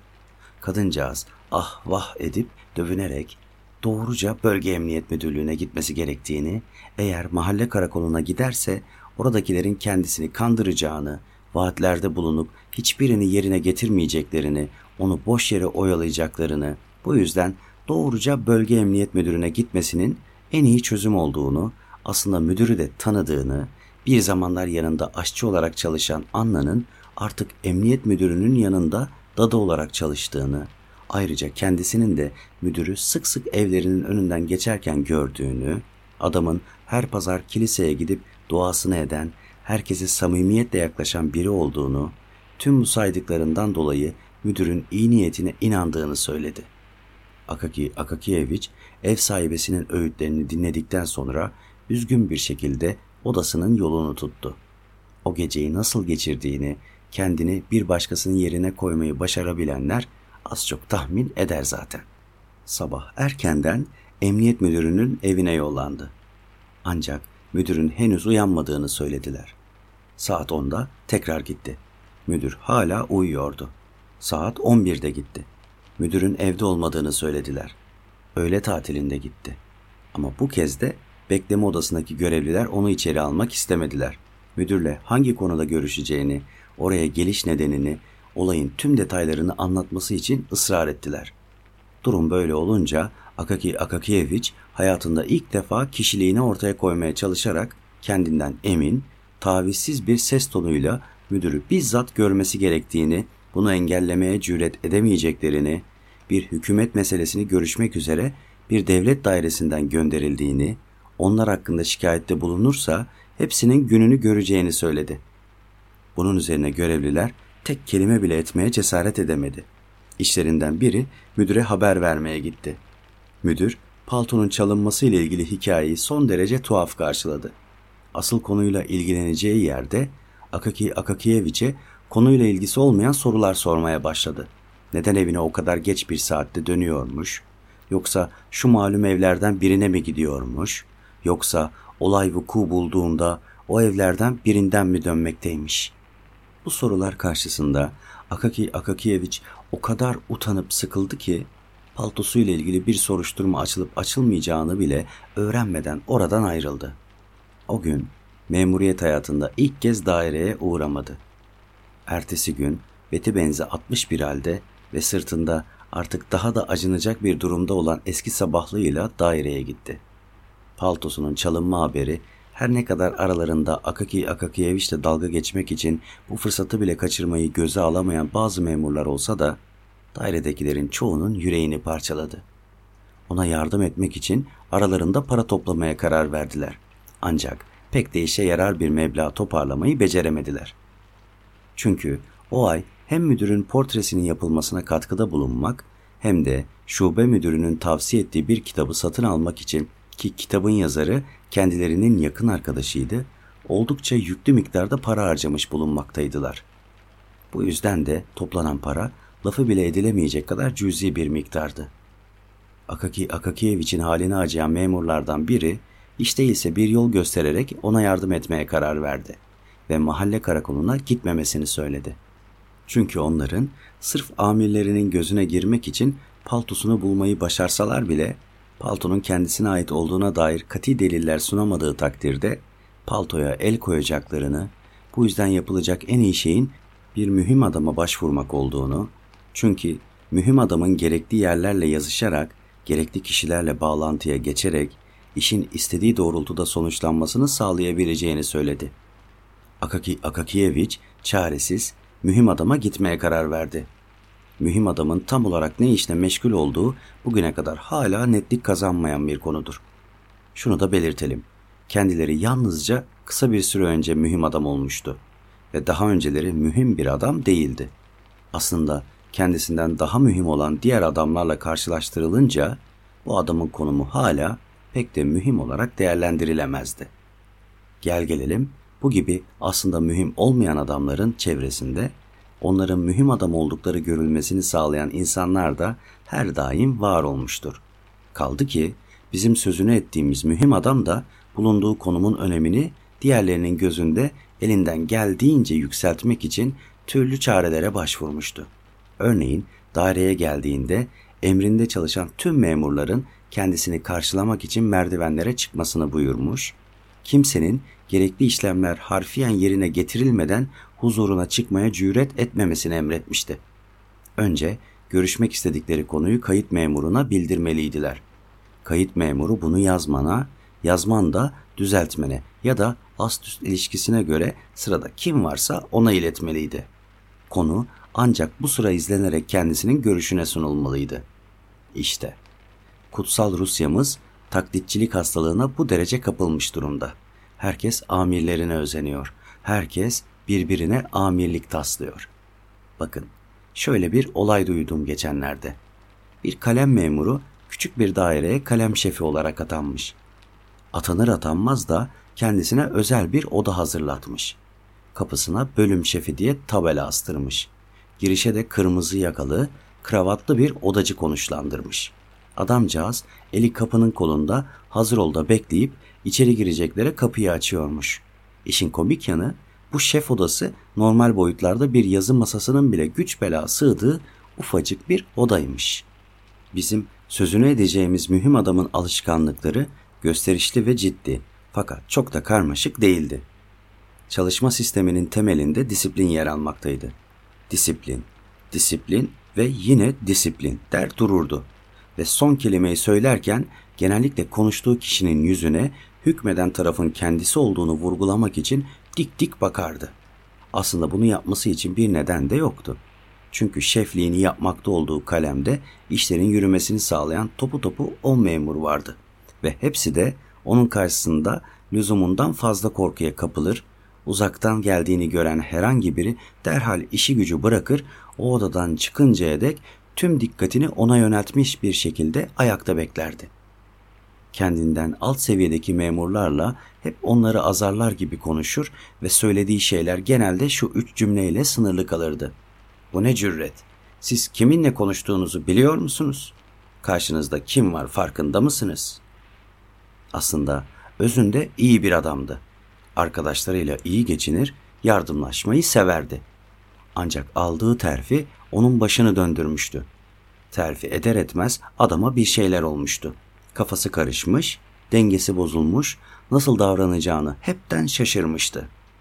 Eğer kendi seviyesindeki kimselerle birlikteyse yine son derece terbiyeli, kibar biri oluyor, onlarla arasındaki ilişkiyi düzeyli bir şekilde sürdürebiliyordu. Ancak kendisinden bir derece bile alt seviyede bulunan memurların arasına girer girmez bambaşka bir veriyordu. Ağzını bıçak açmıyor, bir köşede öylece oturuyordu. Bu hali etrafındakilerin kendisine acımasına neden oluyor. Bu da bir yana aslında zamanını çok daha keyifli bir şekilde geçirebileceğini o da fark ediyordu. Bazen gözlerinden etrafında sürüp giden ilgi çekici sohbetlere katılmak için güçlü bir istek duyduğu okunabiliyordu. Ancak bu davranışın bulunduğu konuma uymayacağı, laubaliliğe ortam hazırlayacağı ve itibarını zedeleyeceği endişesiyle hep kendini geri çekiyordu. Vakur bir edayla hiç sesini çıkarmadan bir köşede oturuyor, ağzından nadiren bir iki kelime dökülüyordu. Bu yüzden de son derece sıkıcı biri diye anılma şerefine nail olmuştu. İşte dostumuz Akaki Akakiyevich'in yardımını rica ettiği mühim adam böyle birisiydi. Ve bu rica için ona en uygunsuz zamanda gitmişti. Gerçi zaman Akaki Akakiyeviç açısından uygun değildi. Yoksa mühim adam o sırada gayet müsaitti. Odasında yıllardır görmediği çocukluk arkadaşıyla son derece neşeli bir şekilde sohbet ediyordu. Bu esnada Başmaçkin adında birinin geldiğini ve kendisiyle görüşmek istediğini öğrendi. Ters ters kimin nesiymiş peki diye sordu. Bir memur diye yanıtlandı sorusu. Aa, bekleyebilir öyleyse. Şu anda hiç vaktim yok dedi mühim adam. Bu noktada vakti olmadığını söyleyen mühim adamın yalan söylediğini belirtmek zorundayız. Aslında vakti vardı. Arkadaşıyla konuşabilecekleri her şeyi çoktan konuşmuşlar ve sohbetleri artık son derece uzun süren suskunluklarla bölünmeye başlamıştı. Yalnızca arada bir birbirlerinin dizlerine neşeyle vurup bozuk plak gibi işte böyle Ivan Abramovich ya demek öyle Stefan Barlamovich diye sayıklıyorlardı. Buna rağmen sırf birkaç sene önce memuriyeti bırakıp köye yerleşen arkadaşına memurların kendisiyle görüşmek için ne kadar uzun bir süre beklemeleri gerektiğini göstermek için Akaki Akakiyeviç'i bekletmelerini emretmişti. Nihayet arkadaşıyla uzun uzun konuştuktan, daha doğrusu bol bol sustuktan ve rahat koltuklarında arkaya doğru kaykılarak birer sigara daha tüttürdükten sonra mühim adam sanki birdenbire hatırlamış gibi elinde kendisine imzalatmak üzere getirdiği kağıtlarla kapıda bekleyen sekreterine dönerek ''Aa bu arada bir memur bekliyordu değil mi? Söyleyin, içeri gelsin.'' dedi. Akaki Akakiyeviç'in mütevazi halini ve eskimiş üniformasını görünce terfi edip şef olmadan önce odasında aynanın karşısına geçip binlerce kez kendi kendine provasını yaptığı sert, hükmeden ses tonuyla ne istemiştiniz diye sordu. Odaya zaten çekine çekine giren Akaki Akakiyeviç bu tavır karşısında biraz daha afalladı ve elinden geldiğince ama her zamankinden daha çok şey işte diyerek yepyeni bir paltosu olduğunu, acımasızca kendisine saldıran hırsızların onu çaldığını, bu yüzden kendisi gibi yüksek mevkideki birine mesela emniyet müdürüne ya da başka birine paltosunu bulmaları için bir dilekçe yazmasını rica etmeye geldiğini anlattı. Şef kendisine doğrudan doğruya başvurulmasını büyük bir saygısızlık olarak değerlendirdi. Başka emriniz paşa hazretleri diye çıkıştı. Hiç yol yordan bilmez misiniz siz? Bu makama doğrudan doğruya başvurabileceğinizi mi sanıyorsunuz? İşlerin nasıl yürüdüğünden haberiniz yok mu? Önce bir dilekçeyle kaleme başvurmalıydınız. Dilekçeniz masa şefine iletilmeliydi. Oradan bölüm şefine, oradan da sekretere, sekreterden de bana ulaşmalıydı. Akaki Akakiyeviç'in her yanını ter basmıştı. Büsbütün kırılmak üzere olan cesaretini toplamaya çalışarak ama sayın ekselansları dedi. Size şey zahmet vermek cüretini gösterdim yüce ekselansları. Çünkü sekreterler şey onlara pek güvenilmez de. Ne ne ne ne ne diye çıkıştı mühim adam. Bu cesareti nereden buluyorsunuz? Kim sokuyor kafanıza bu düşünceleri? Amirlerine, büyüklerine karşı saygı diye bir şey kalmadı şu gençlerde. Görünüşe bakılırsa mühim adam Akaki Akakiyeviç'in 50 yaşının üzerinde olduğunu fark etmemişti.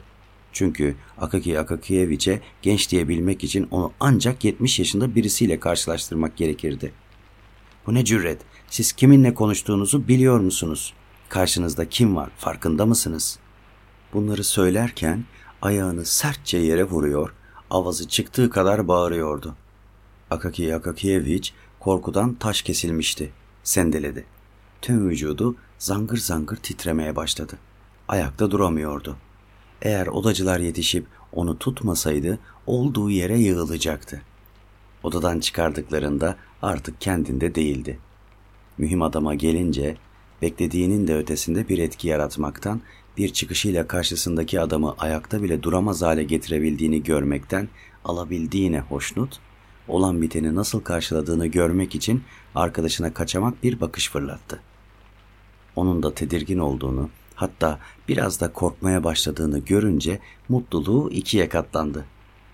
Merdivenlerden nasıl indi, sokağı nasıl çıktı bunlara dair hiçbir şey hatırlamıyordu Akaki Yakakiyeviç. Ne kollarını ne de bacaklarını hissediyordu. Hayatı boyunca bir şeften, üstelik de başka bir dairenin şefinden böyle ağır bir azar işitmemişti. Dışarıda şiddetli bir tipi vardı.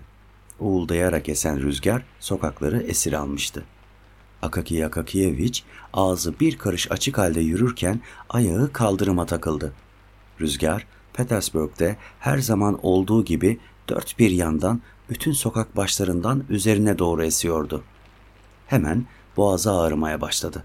Eve vardığında tek kelime bile edecek gücü kalmamıştı. Kendini yatağa attı. İşitilen esaslı bir azar, kimi zaman insanı bu hallere düşürebiliyor işte. Ertesi gün Akaki Akakiyevich'in ateşi iyice yükseldi. Sayıklamaya başladı. Eksik olmasın Petersburg ikliminin cömert yardımları sayesinde hastalığı tahmin edilemeyecek kadar hızlı ilerleme kaydetti.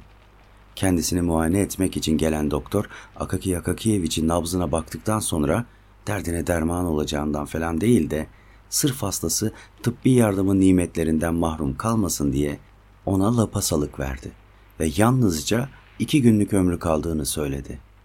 Sonra ev sahibesine dönerek siz de anacığım vakit kaybetmeden bir çam tabut siparişi vermelisiniz. Zira meşe tabut onun gibi birine pahalı gelecektir dedi.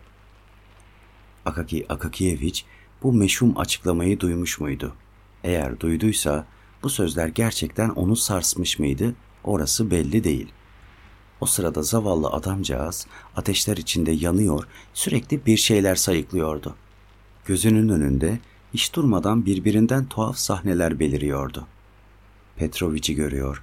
Ona üzerinde hırsızları yakalamak için tuzaklar bulunan bir palto dikmesi için sipariş veriyordu. Hırsızların yatağının altında saklandıklarını sanıyor ve yorganın altına kadar giren bir hırsızı yakalayıp oradan çıkarması için ev sahibesini yanına çağırıp duruyordu. Bazen yepyeni bir paltosu olmasına rağmen neden karşısında eski sabahlığının asılı durduğunu soruyordu.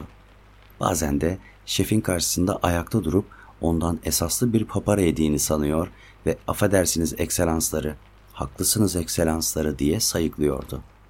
Bir süre sonra hiddetleniyor, ağza alınmayacak sözleri birbiri ardına sıralıyordu.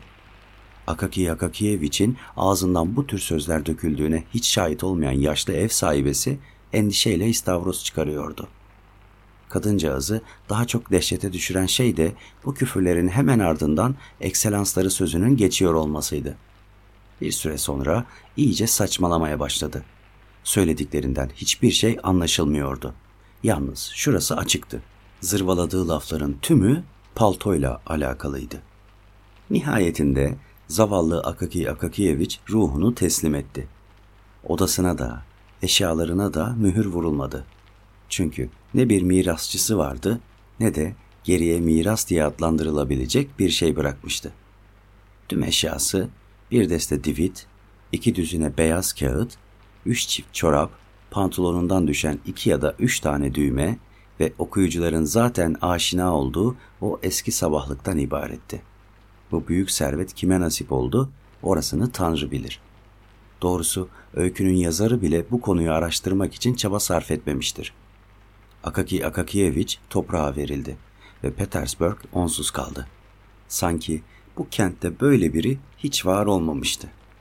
Davasına kimsenin sahip çıkmadığı, kimsenin yakınlık göstermediği, bir iğnenin ucuna yerleştirdiği sıradan bir sineği bile alıp mikroskop altında incelemeyi ihmal etmeyen doğa bilimleri uzmanlarının dahi dikkatini çekmeyen bir yaratık, ömrünün son günlerinde de olsa palto biçimine bürünmüş, ışıl ışıl bir misafir tarafından ziyaret edilmiş, yoksulluk içinde geçen kasvetli yaşamı bir an için bile olsa renklenmiş, sonra da Çarların ve dünyadaki diğer tüm hükümdarların üzerine çöken felaket onun da karşısında belirmiş, yıllarca dairedeki arkadaşlarının acımasız alaylarına sabırla katlanan Akaki Akakiyeviç bir hiç uğruna bu dünyadan sessizce göçüp gitmişti. Ölümünden birkaç gün sonra Akaki Akakiyeviç'in evine çalıştığı daireden bir odacı gönderildi. Şefi hemen işinin başına dönmesini emrediyordu. Odacı daireye geri döndüğünde Akaki Akakiyeviç'in artık işe gelemeyeceğini bildirdi. Kendisine neden diye sorulunca da şey gelemez çünkü ölmüş. Dört gün önce toprağa vermişler diye cevap verdi. Akaki Akakiyeviç'in ölümünden dairedekiler bu şekilde haberdar oldu. Ertesi gün ise yerinde başka bir memur oturuyordu. Yeni memur Akaki Akakiyeviç'e göre oldukça uzun boyluydu. Ama yazısı onunki gibi düzgün değil, daha çarpıktı. Akaki Akakiyeviç ile ilgili anlatacaklarımızın bu kadarla kalmayacağı kimin aklına gelirdi ki?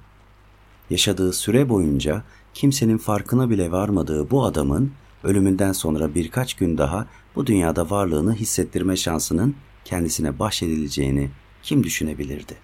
Ama oldu işte. Ve anlattığımız hazin hikaye beklenmedik bir şekilde fantastik bir sonla noktalanıyor. Birdenbire Petersburg'da bir takım söylentiler yayılmaya başladı. Anlatılanlara göre Kalinkin Köprüsü civarında geceleri memur kılığında bir hortlak görülmeye başlamıştı. Hortlak çaldırdığı paltosunu arıyor ve rütbesine ya da ünvanına bakmadan karşısına çıkan herkesin sırtından paltosunu çekip alıyordu. Paltonun özellikleri hakkında da herhangi bir ayrım yapmıyordu. Yakası kedi ya da kunduz kürkünden olmuş, vatkalı olmuş, vatkasız olmuş, rakun kürkünden ya da tilkiden ya da ayı postundan olmuş fark etmiyordu. Kısacası insanoğlunun kendi bedenini örtmek için kullandığı her türden deri ve kürkten yapılmış paltoya el koyuyordu. Dairedeki memurlardan biri hortlağı kendi gözleriyle gördüğünü ve ilk bakışta onu Akaki Akakiyeviç'e benzettiğini söylüyordu. Ancak adamcağız o sırada öyle büyük bir korkuya kapılmıştı ki oradan elinden geldiği kadar hızlı bir şekilde koşarak uzaklaştığı için hortlağı adam akıllı görememiş sadece uzaktan parmağını tehdit eder gibi kendisine doğru uzattığını seçebilmişti. Şikayetlerin ardı arkası kesilmiyordu. Sadece sıradan memurların değil, üst düzey görevlilerin bile paltoları sırtlarından zorla çekilip alındığı için hepsinin boynu ve omuzları soğuktan tutulmaya başlamıştı. Polise derhal ne gerekiyorsa yapılıp ölü ya da diri bu hortlağın yakalanması ve diğerlerine ibret olsun diye en sert şekilde cezalandırılması emri verildi. Neredeyse bunu başaracaklardı da. Şöyle ki Kiryushkin sokağında bir bekçi eskiden flüt çalan emektar bir müzisyenin paltosunu çalmak üzereyken hortlağın yakasına yapışmıştı. Sonra da iki bekçi arkadaşını yardıma çağırdı. Diğer bekçiler gelince onlara soğuk kış gecelerinde tam altı kez donan burnunu kurtarmak için çizmesinin içindeki enfiye kutusunu çıkarması gerektiğini, bu süre zarfında hortlağı tutmalarını söyledi. Ancak enfiyenin cinsi o kadar sertti ki değil bir canlı, bir hortlak bile bu kokuya dayanamazdı. Bekçi sağ burun deliğini parmağıyla kapatıp soldakine henüz enfiye çekmişti ki hortlak üçünün birden suratına doğru şiddetle hapşırdı. Bekçiler suratlarına savrulan salya sümükleri temizleme derdine düşünce bunu fırsat bilen hortlak ortadan kayboldu. Her şey o kadar hızlı gelişmişti ki bekçiler hortlağı gerçekten yakalayıp yakalayamadıklarından emin bile olamadılar. O günden sonra da hortlağın verdiği korku onları öyle çok etkiledi ki değil bir ölüyü bir canlıyı bile yakalamaya çekinir oldular. Uzaktan hey sen buralarda dolaşma yoluna git hadi diye bağırmaktan ileri gidemediler. Böylece hortlak memur Kalinkin Köprüsü'nün diğer tarafında da cirit atmaya ve bütün yüreksiz adamlara korku salmaya başladı.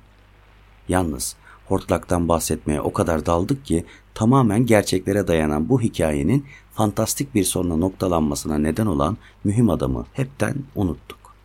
Her şeyden önce konumum mühim adama karşı adil davranmamı ve onun içinden geçenleri olduğu gibi sizlere aktarmamı gerekli kılıyor.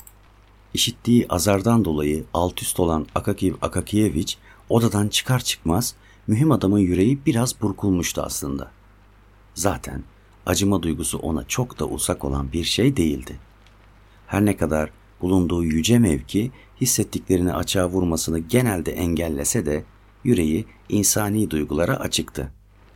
Ziyaretine gelen arkadaşı makamını terk eder etmez zavallı Akaki Akakiyeviç'i düşünmeye başladı ve o andan itibaren neredeyse her gün kendisinden işittiği paylamaya dayanamayan zavallı Akaki Akakiyeviç'in beti benzi atmış görüntüsü gözlerinin önünde canlandı. Bir çare Akaki Akakiyeviç hakkındaki endişeleri öyle baş edilemez hale geldi ki bir hafta sonra dayanamayıp yanında çalışan memurlardan birini adamcağızın ne durumda olduğunu, hala yardımına ihtiyacı olup olmadığını öğrenmesi için çalıştığı daireye göndermeye karar verdi. Akaki Akakiyevich'in beklenmedik bir şekilde ateşler içinde sayıklayarak ruhunu teslim ettiği haberini alınca kendini çok kötü hissetti. Bütün gün vicdan azabı içinde kıvrandı ve bir türlü toparlanamadı. Kafasını dağıtmak ve bu nahoş olayın etkisinden kurtulmak için o gece bir arkadaşın vereceği davete katılmaya karar verdi. Oraya vardığında hatırı sayılır insanlardan oluşan bir toplulukla karşılaştı. Her şeyden önemlisi orada bulunanların neredeyse hepsi kendisiyle aynı seviyede kişilerdi. Bu yüzden istediği gibi hareket edebilirdi. Davranışlarını kısıtlamak zorunda değildi. Keyfi yerine geldi. Gevşedi. Güler yüzlü, hoş sohbet biri verdi. Yani oldukça güzel bir gece geçirdi. Yemekte iki kadeh şampanya içti ki bilindiği gibi insanların neşelenmesinde hiç de yabana atılmayacak bir etkiye sahiptir şampanya.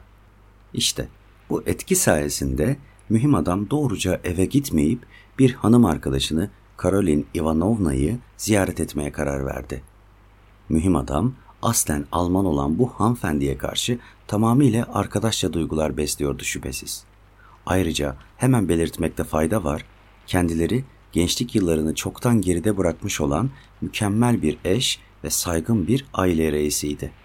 İçlerinden biri memur olarak çalışan iki yetişkin oğlu ve her sabah uyanır uyanmaz elini öperek bonjour papa diyen biraz kemerli olmakla beraber güzel, küçücük bir burnu olan 16 yaşında sevimli bir kızı vardı. Hala genç ve güzel olan karısı öpmesi için önce kendi elini uzatır, sonra da kocasının eli üste kalacak şekilde çevirir ve onunkini öperdi. Mühim adam yaşadıkları aile saadetinden büyük bir memnuniyet duyuyor olsa da kentin diğer yakasından sadece dostane duygular beslediği bir hanım arkadaş edinmenin de sakıncası olmayacağını düşünmüştü. Oysa bu hanım arkadaş karısından daha genç ya da daha da güzel değildi. Ancak bildiğiniz gibi yeryüzünde bu gibi şaşırtıcı olaylara sık sık rastlanmaktadır ve bunları eleştirmek de bizim işimiz değildir. Her neyse, arkadaşlarından ayrılan mühim adam merdivenlerden indi. Kızağına bindi ve sürücüye Karolin Ivanovna'ya sür talimatını verdi. Son derece şık, insanı sıcacık tutan kürk paltosuna sarılmıştı ve hala geçirmiş olduğu keyifli gecenin etkisi altındaydı. Bir Rus için birbirinden hoş düşüncelerin herhangi bir çaba sarf etmeden, insana arkalarından koşma zahmeti vermeden kendiliğinden zihnine üşüşmesinden daha iyi bir şey yoktur. Keyifle geçirmiş olduğu gecenin en neşeli anlarını, çevresindeki samimi topluluğun kahkahalarla gülmesine neden olan tüm esprileri teker teker anımsadı. Birçoğunu da kısık sesle kendi kendine tekrarladı ve hepsini de ilk anlatıldıkları andaki kadar komik bulduğu için bir kez daha işten kahkahalar atmaktan kendini alıkoyamadı. Gerçi zaman zaman aniden şiddetlenen, nereden ve neden estiği belli olmayan rüzgar onu rahatsız ediyor, yüzünü bıçak gibi kesiyor, paltosunun yakasını bir yelken gibi havaya kaldırıp birden beklenmedik bir güçle onu kafasına geçiriyor ve bundan kurtulmak için debelenip durmasına neden oluyordu. Mühim adam birinin ansızın çok güçlü bir şekilde yakasına yapıştığını hissetti. Arkasına dönüp bakınca üzerinde eski püskü bir memur üniforması bulunan kısa boylu bir adamla burun buruna geldi. Kar gibi bembeyaz yüzlü adamın Akaki Akakiyevich olduğunu fark edince dehşete kapıldı. Bir de o hortlak memurun konuşmak üzere ağzını açtığını görüp o ağızdan burnuna doğru yönelen çürümeye başlamış ceset kokusunu duyduğunda mühim adam korkudan bayılacak gibi oldu. Hortlak, sonunda buradasın işte. Sonunda, şey, senin de yakana yapıştım. Asıl senin paltonda aradığım. Benimki çalındığında parmağını bile kıpırdatmadın. Yardım istedim diye bana demediğini bırakmadın. Bu yüzden şimdi bana kenti paltonu vereceksin dedi. Zavallı mühim adam korkudan neredeyse ruhunu teslim edecekti. Oysa dairede özellikle kendinden düşük seviyedeki memurların önünde ne kadar da kuvvetli ve kudretli duruyordu. Erkeksi tavırlarını ve görünüşünü gören herkes of be ne adam ama demekten kendini alamıyordu. Ancak şu an içinde bulunduğu durumda başkalarının gözünde kahraman gibi görünen birçok mühim adam gibi korkudan tir tir titriyor ve bu korku yüzünden bir yerine inme ineceğini sanıyordu. Hemen paltosunu çıkarıp elinden geldiğince uzağa fırlattı ve alışılmadık bir ses tonuyla arabacıya bağırdı. Eve sür. Yalnızca hayati durumlarda duyduğu ses tonunu ve devamında daha sert uyarıların gelebileceği ihtimalini deneyimleri sayesinde iyice kavramış olan arabacı, olası azarlara karşı önlemini alarak omuzlarını yukarı doğru kaldırdı. Kamçısını şaklattı ve kızak bir ok gibi yerinden fırladı. 5-6 dakika sonra mühim adam evinin kapısına gelmişti bile. Karolin Ivanovna'ya gideceği yerde solgun, korkudan dili tutulmuş ve paltosuz bir şekilde kendi evine vardı. Zar zor kendi odasına attı ve bütün gece sıkıntıyla bir o yana bir bu yana döndü durdu. Zorlu geçen gecenin izlerini yüzünde taşıdığı için ertesi gün kahvaltıda kızı bugün çok solgun görünüyorsun babacığım dedi. Ama zavallı babacığı suskunluğunu bozmadı ve önceki gece başına gelenlerden, nerede olduğundan ve nereye gitmeyi planladığından kimselere bahsetmedi. Yaşamış olduğu bu olay onu derinden etkiledi. Hatta emrinde çalışan memurlara bu ne cüret, benim kim olduğumu biliyor musunuz türünden sözleri pek seyrek söyler oldu. Böyle çıkışlar yapsa bile öncelikle olan biteni en ince ayrıntısına dek öğrenmeye gayret ediyordu. Daha da ilginç olan şey o günden sonra hortlak memur bir daha ortalarda görünmedi. Anlaşılan mühim adamın paltosu üzerine tam oturmuştu. En azından artık insanların sırtlarından paltolarının zorla alındığına dair haberler duyulmuyordu. Yine de böyle mevzulardan keyif alan kimi işgüzarlar rahat durmayı beceremediler ve kentin ücra yerlerinde hortlak memurun hala ortalıklarda dolaştığını anlatıp durdular. Örneğin Kolomna'da bir mahalle bekçisi hortlağın gözünün önünde bir evin arkasından sözülerek ortaya çıktığını görmüş ancak kendisi oldukça çelimsiz bir adam olduğu için ki bir keresinde henüz sütten kesilmemiş normal büyüklükte bir domuz yavrusu evin tekinden aniden dışarı fırlamış ve etraftaki arabacıların kahkahaları eşliğinde bekçiyi bir vuruşta yere sermişti. Gerçi bekçi de yapmış oldukları bu saygısızlıktan dolayı arabacıların her birinden enfiye parası niyetine iki kapik toplayıvermişti. İşte bu kadar çelimsiz biri olduğu için hortlağı durdurmaya cesaret edememiş, bunun yerine karanlıkta onu takip etmeyi tercih etmişti. Bir süre sonra hortlak birisi tarafından izlendiğini fark etmiş, birdenbire arkasını dönüp bu dünyada yaşayan hiçbir adamda göremeyeceğiniz kadar büyük olan yumruğunu havaya kaldırarak ne istiyorsun diye bağırmıştı bekçiye. O da hiç diye cevap vermiş ve derhal olay yerinden uzaklaşmıştı. Söylenenlere bakılırsa bu son derece iri yarı ve pala bıyıklı bir hortlakmış. Obukov Köprüsü'ne doğru ilerlemiş. Sonra da gecenin karanlığı içinde yitip gitmiş.''